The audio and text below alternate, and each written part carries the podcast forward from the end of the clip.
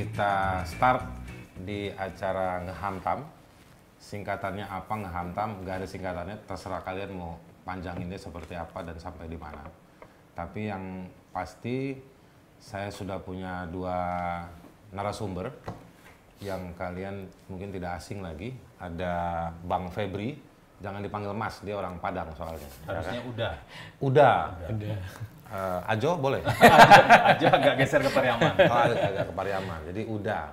Ini juga udah. Udah atau belum? Kalau ini Datuk. Udah. Datuk dia. Janganlah udah lah. Ini- Ayo panggil nama aja bang. Ya, Lu- Donald, lu- Donald, Donald Faris, Lu, ya kan? lu kan tuaan daripada gue. Nggak, tapi kalau orang-orang manggilnya Oh, iya. udah ya. Oke. Udah juga. Ini juga udah, nih udah. Jadi eh, belum ada yang belum udah. Gitu. Jadi ini eh, dua orang yang mungkin kalian suka lihat eh, bicara soal korupsi atau anti korupsi. Febri ini Febri Diansah ya. Febri Diansyah, bukan Febri Henry. Ini posting dulu di Febri IG, Diansah. Biar, Sambil dia posting di IG, biar sedunia tahu. ya kan? Eh, kita akan ngobrol-ngobrol soal yang gak ada hubungannya sama mereka. Tapi mereka mulai jalani. ya kan? Tapi jangan rumah tangga ya. Eh, mungkin akan menyentuh. Kita sudah sepakat nggak bahas rumah tangga. Nggak, nggak, nggak ngebahas rumah tangga kalian. Rumah tangga orang lain. Oke. Nah, eh, mereka ini berdua sekarang jadi lawyer, aktif sebagai profesi. Eh, Donald sebelum jadi lawyer di ICW, yeah. and you see double me. Eh, ICW, Indonesian Corruption Watch. Eh, Febri juga dulu di ICW, terus eh, hijrah di KPK selama enam tahun? Tujuh, kurang. tujuh eh, eh, enam tahun lebih kurang dari tujuh tahun. Dan akhirnya eh, insaf. Akhirnya eh, keluar. Nanti kita akan dengar lebih jauh kenapa dia keluar. Eh, dua teman ini sekarang jadi lawyer. Pasti ada cerita-cerita seru. Yoi. karena belasan tahun eh, advokasi nilai prinsip eh, situasi-situasi terkait dengan korupsi. Ada banyak catatan tapi kita nggak bahas semua nggak cukup waktunya. Tapi kita nanti cari keyword-keyword yang menarik dari dua kawan ini. Tapi dua kawan ini bukan hanya mengadvokasi tapi juga sekarang masuk ke zona yang lebih eksploratif lah. Pilih pilihan katanya itu aja lah ya eksploratif. Kenapa jadi lawyer? Eh, sebenarnya eh, kita tuh kan udah semi lawyering juga oke di ICW. ya Kebetulan eh, gue sudah pegang license advokat waktu Oke. di ICW. Jadi kerja-kerja dari Pradi ya di Pradi. Jadi kerja-kerja ICW itu kan bang sama lah dengan kerja-kerja teman-teman kontras dulu, dulu yang sudah lama di situ. Ada combine antara litigasi dan riset. oke Yang kebetulan gue dengan teman-teman eh, kolaborasi antar jaringan NGO juga eh, lawyering juga. Oke. Sebenarnya ini hanya ganti eh, perahunya aja, ganti tujuan yang lebih lebih broadband lah kira-kira lebih luas. Nah jadi eh, gue pikir gue udah 10 tahun di ICW, butuh tempat belajar baru, tempat eh, Tapi kenapa nggak ke misalnya beberapa teman ICW itu ke TI, Transparansi Internasional, ya apalagi ke TI, makin Atau- susah lawyering. Atau menjadi menteri? atau jadi menteri, Iya, menteri koperasi, Kalau TI misalnya nih contohnya Bang, kan makin susah lawyering. Di situ kan eh, aspek litigasinya lebih lebih. berarti emang mau emang mau lawyering ya? Memang niatnya mau lawyering combine. Ya kita banyak belajar ke Lokataru lah. Iya, Isu publiknya jalan, isu lawyering profesional lawyeringnya juga jalan. Berarti terima profit juga Feb ya? Pokoknya setelah kita tahu, ini nyambung ini dulu ya, sebelum jawab pertanyaan Oke, ini ya. Kita tidak boleh terjebak. Lu kok langsung profit Bang? Soalnya dia pakai blazer, Kelihatan lebih serius lawyeringnya ya. kelihatan lebih ada cuannya. Iya, ya. iya. ini biar nggak sama pakai kaos putih gitu kan. Tadi gimana? Oh ya. Jadi sebenarnya kita belum belum ada rencana untuk uh, buka kantor hukum awalnya. Tapi kalau ngelihat license advokat, uh, saya kan sejak 2013 ya diangkat jadi advokat disumpah waktu itu. Donald sejak 2013 udah lama dong. 2013 sudah lebih eh, tujuh tahun, tapi kan Iya, iya, iya. non aktif ketika di KPK, jadi tidak boleh beracara. Baru eh, yakin mau buka kantor hukum itu setelah melihat Haris Hazard, Iya. gitu. Jadi Benchmark, Oh, itu- itu benchmark. Betul. Anak, anak mana tuh? Yang doyan ngehamtam. ah, itu. Makanya sebelum kita buka kantor hukum kita ke sini dulu. Iya, iya, iya. kita minta petuah-petuah lah ya. Iya, iya. Minta pendampingan hukum. Minta petuah-petuah yang kita tahu sebagian besar menyesatkan. Setelah itu kita Tapi yakin. Nggak bisa ditolak. Setelah itu kita yakin eh, ini pilihan kita. Iya. Oke. Kemudian kita ke notaris bikin kantor hukum. Langsung, gue mau nanya. Mau dampingin koruptor? Oh itu pasti. Oke. eh, Pasti oke. tunggu- Tunggu dulu.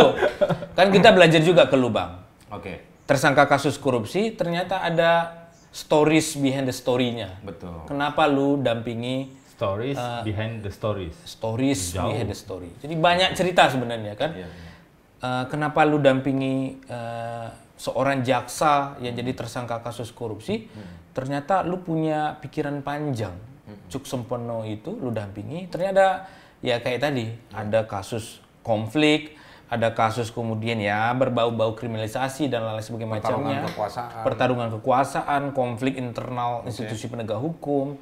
Nah, sampai dengan hari ini tentu kalau ditanya soal itu, kita akan sangat selektif, bahkan super selektif bicara soal penanganan kasus korupsi. Barangkali kasus-kasus korupsi yang berbau kriminalisasi, kemudian yang memang ditujukan untuk menutupi aktor intelektual dan Penyalahgunaan pasal-pasal korupsi.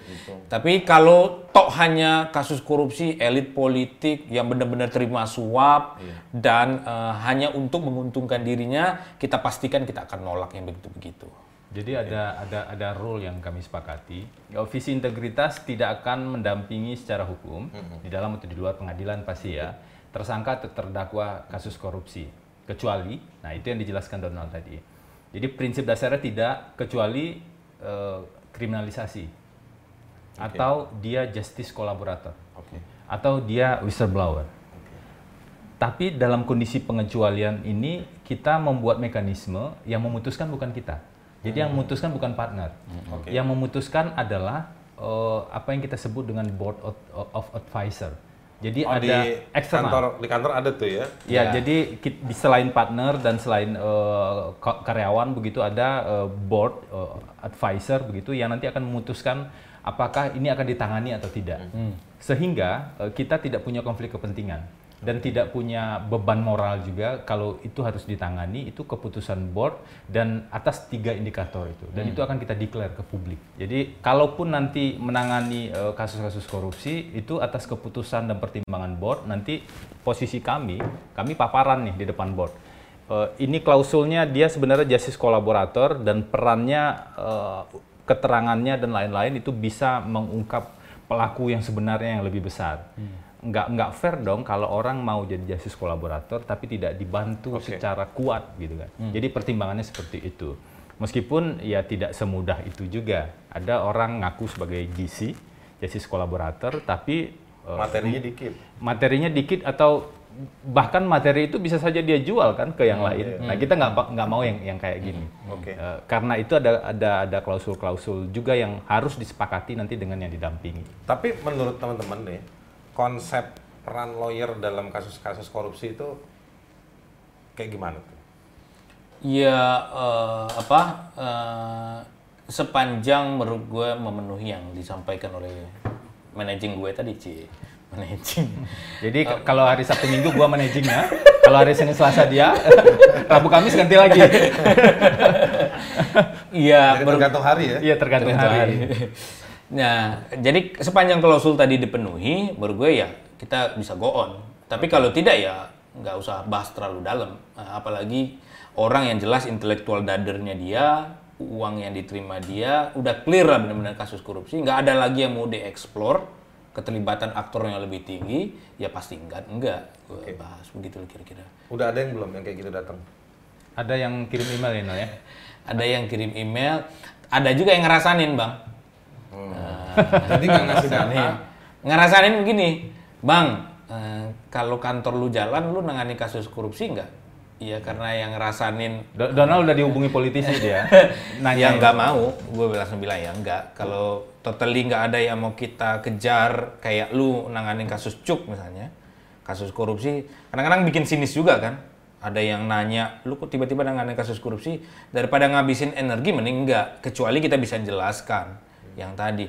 Tujuannya board itu kan juga begitu juga bang. Biar dia juga ikut yang jelasin, bukan hanya kita yang jelasin kenapa kita handle kasus ini begitu kira-kira.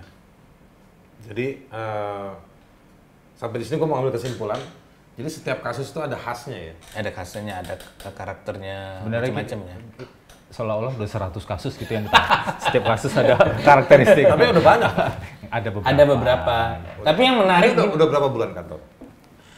Resminya kita baru mulai kan sekitar 25 Oktober ya. Nah, Ya, ya. Oktober, Udah jadi lama dong. November, Desember, Januari. Baru tiga bulan kurang. Kurang tiga Ya, tapi udah banyak kasus.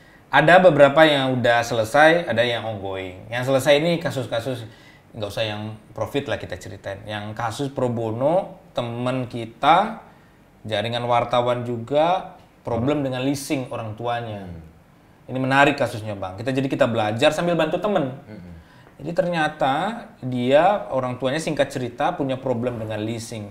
Bank punya pro, bank yang kita pikir punya ya barangkali ada sesuatu lah dengan leasing. Dikasih eh, utang ibu ini sisa berapa bulan lagi bang? Sisa 5 atau 6 bulan. 5 atau 6 bulan lagi. Kalau utang pokoknya itu 50 jutaan.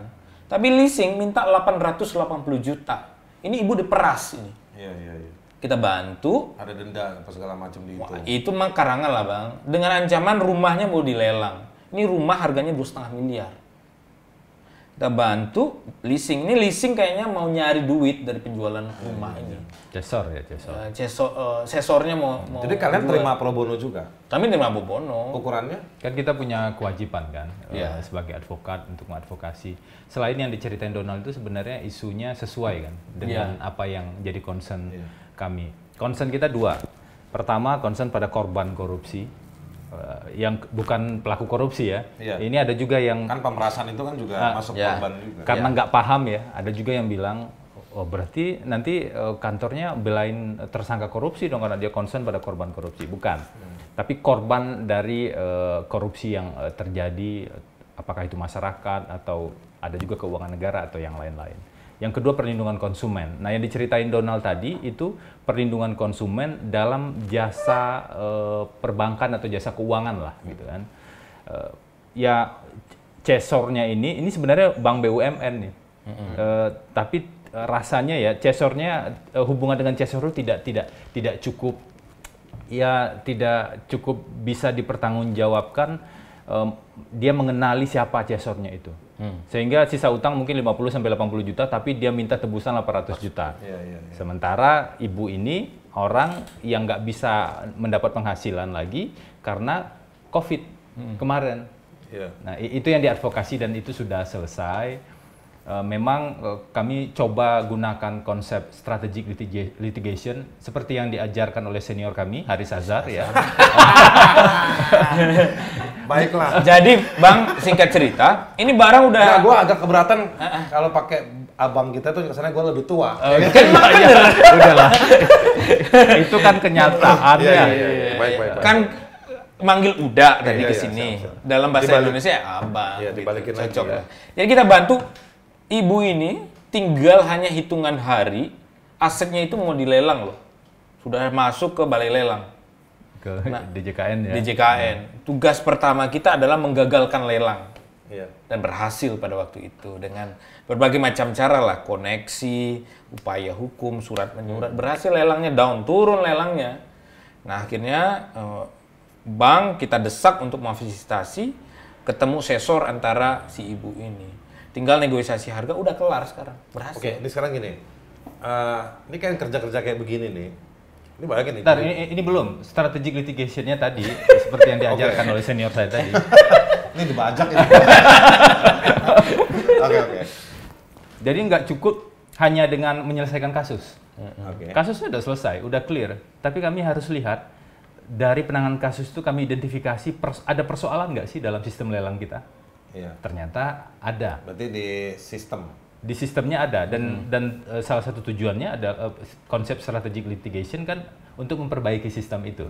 Ada persoalan nggak sih dalam hubungan eh, bank sebagai pemberi pemberi pinjaman eh, dengan eh, pihak ketiga Cesor tadi. Oke. Oh, ternyata ada persoalan, sehingga ini juga harus diperbaiki. Oke. Jadi setelah kasus selesai, yang paling penting sebenarnya kasus ini kan sebenarnya simptom aja satu. Bisa jadi banyak sebenarnya. Dipraktekin di banyak kasus. Di- terjadi di banyak kasus, tapi yang kita dampingi cuma satu. Tapi gimana kita make yang satu ini biar ada perbaikan ke depan. Nah ini yang kami coba dalam konsep eh, strategic litigation tadi. Jadi nanti kalau kami ada kendala, kami akan menemui senior kami tadi lagi. Iya, iya, iya. Untuk bantu follow up lebih lanjut Iya. ya. Iya, iya. di, di kantornya senior itu. Kita juga banyak tuh ketemu. Tapi be- beda loh Bang rasanya. Yang pro bono, wih itu kepuasan itu beda loh rasanya. Iya. Yang membantu. Padahal sama-sama puas. Sampai titik tertentu kepuasannya beda. beda. Sampai titik lebih lanjut agak ngelio juga. agak ngos-ngosan juga Iya, iya. itu. Nanti akan ngerasain. Iya, iya, iya, iya, iya.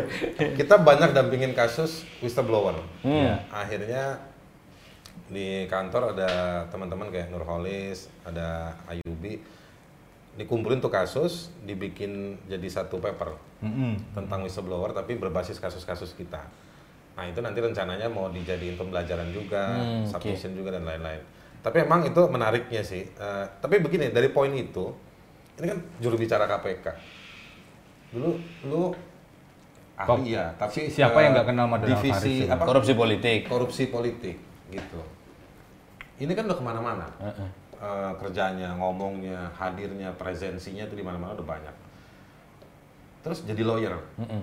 Ada juga nih orang baru jadi mahasiswa, baru dapat kartu, Feb, Mm-mm. jadi lawyer juga. Mm-mm. Bukan gua mau bikin pembedaan, tapi ketika memulai lawyering dengan pengalaman dan situasi hari ini, Iya. apa keuntungannya? Gini. Ini dalam rangka Iya. ini supaya teman-teman yang Yo, yo. muda yang mau jadi lawyer itu Iya. bisa dapat benefit dari ada ada sa- ada, ada satu kesadaran yang paling eh, mendasar yang cukup mendasar ya. Ini waktu di ICW. Kenapa kita akhirnya eh, ikut pendidikan advokat Hmm. sampai kemudian di magang dan kemudian diangkat? Ada satu perspektif eh, di di kita pada saat itu bahwa eh, SIM ini atau kartu advokat ini Iya. itu kita gunakan agar bisa eh, bermanfaat bagi orang lain, Iya. agar bisa eh, dilakukan untuk advokasi. Hmm. Iya. Jadi cara berpikir di awal itu adalah kartu advokat atau profesi advokat ini salah satu cara, salah satu jalan untuk bisa berkontribusi dalam penegakan hukum, spesifiknya lagi dalam pemberantasan korupsi misalnya. Dan itu kan digunakan sekian lama selama di Iya, ICW. iya. Saya di KPK mungkin nggak menggunakan itu karena nggak boleh memang. Ya. Dan setelah kemudian selesai jadi alumni begitu ya, ada alumni, ada alumnus. Setelah Bedanya apa tuh? Kalau- Sedikit aja. alumnus tuh alumni tidak lulus. itu saya di di Universitas Andalas itu alumnus. Iya, iya, iya. Alumni Di UGM alumni. Di UGM siap, alumni begitu ya. Ini memecah konsentrasi sebenarnya.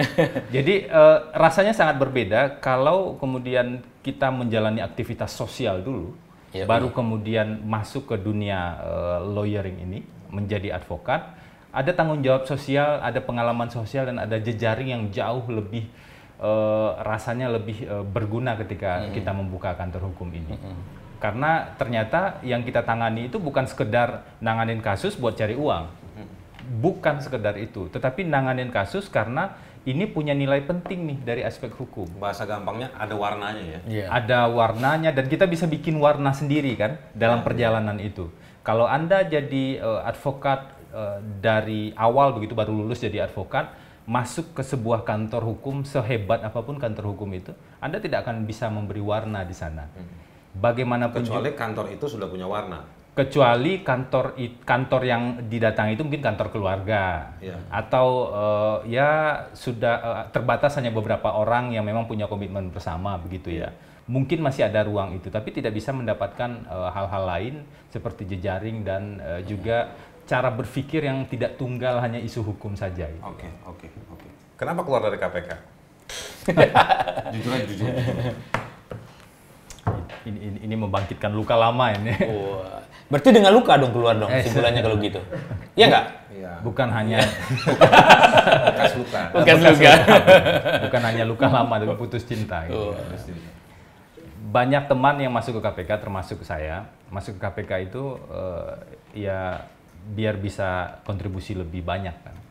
Biar bisa punya apa istilahnya pengaruh langsung lah gitu untuk pemberantasan korupsi. Nah itu sudah dijalani sekitar enam tahun lebih hampir tujuh tahun. Ketika baru menjalani enam tahun ada revisi undang-undang KPK kemudian ada pemilihan pimpinan KPK yang kontroversial. Itu kan itu wajar. Ya, pimpinan barunya wajar. Tapi ini kan eh, saya melihat dan teman-teman itu satu paket nih sepertinya. Revisi Undang-Undang KPK. Kalau waktu itu disebutnya pelemahan KPK ya. Lebih dari itu sebenarnya bisa disebut upaya melumpuhkan KPK. Oke. Atau upaya untuk dalam tanda kutip mengontrol KPK. Karena mungkin KPK ini dianggap anak nakal begitu ya, nggak bisa dikontrol eh, sesuai dengan kepentingan pihak yang kontrolnya. Nah, saya melihat, saya, coba, saya sudah coba sekitar hampir satu tahun itu berada dalam kondisi KPK baru itu, dan eh, kelihatan di sana bahwa saya dan beberapa orang teman yang keluar tuh akhirnya eh, mengambil kesimpulan, ya, gua nggak bisa berkontribusi signifikan lagi di sini. Jadi kalau nggak bisa berkontribusi signifikan, ngapain di KPK? Padahal kita pengennya masuk ke KPK agar bisa berkontribusi signifikan untuk pemberantasan korupsi. Nah. akhirnya keluar. Dan Apakah itu nanti juga bisa gue bilang bahwa KPK itu bakal kompromistis dengan para koruptor?